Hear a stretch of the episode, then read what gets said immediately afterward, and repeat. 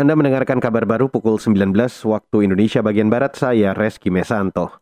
Saudara, Kapolri Listio Sigit Prabowo akan membentuk tim khusus untuk mengawasi setiap unit pelayanan publik Polri. Tim khusus tersebut terdiri dari Satuan Irwasum dan Propam.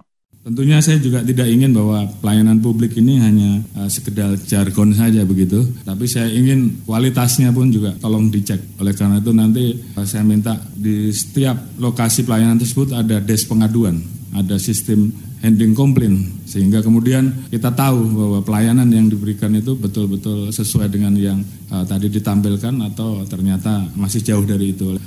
Kapolri Listio Sigit Prabowo berencana akan melibatkan unsur masyarakat dan pemerhati untuk mengecek kualitas pelayanan publik Polri.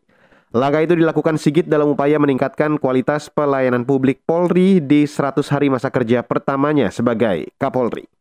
Beralih ke informasi selanjutnya, Saudara, Menteri Sekretaris Negara Pratikno mengatakan pemerintah tidak berniat untuk mengubah undang-undang pemilu ataupun pilkada. Menurut dia, kedua undang-undang tersebut sudah baik Eh, pemerintah tidak menginginkan uh, revisi dua undang-undang tersebut ya.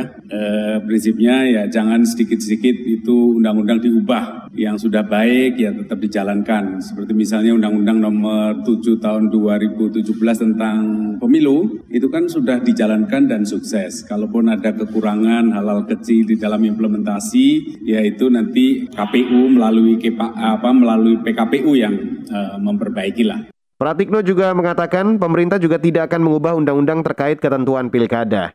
Dia beralasan aturan pilkada yang terbit pada 2016 itu baru akan dilaksanakan pada tiga tahun mendatang. Saudara, rumah sakit di Balikpapan, Kalimantan Timur mulai dipenuhi pasien akibat naiknya kasus positif COVID-19.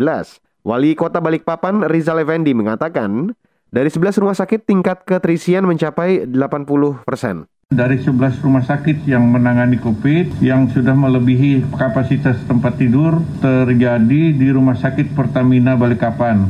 Tempat tidurnya hanya 81, sekarang terisi 84. Wali Kota Balikpapan Rizal Effendi mengatakan tempat isolasi mandiri seperti embarkasi haji dan penginapan yang disediakan untuk pasien COVID tanpa gejala juga sudah penuh.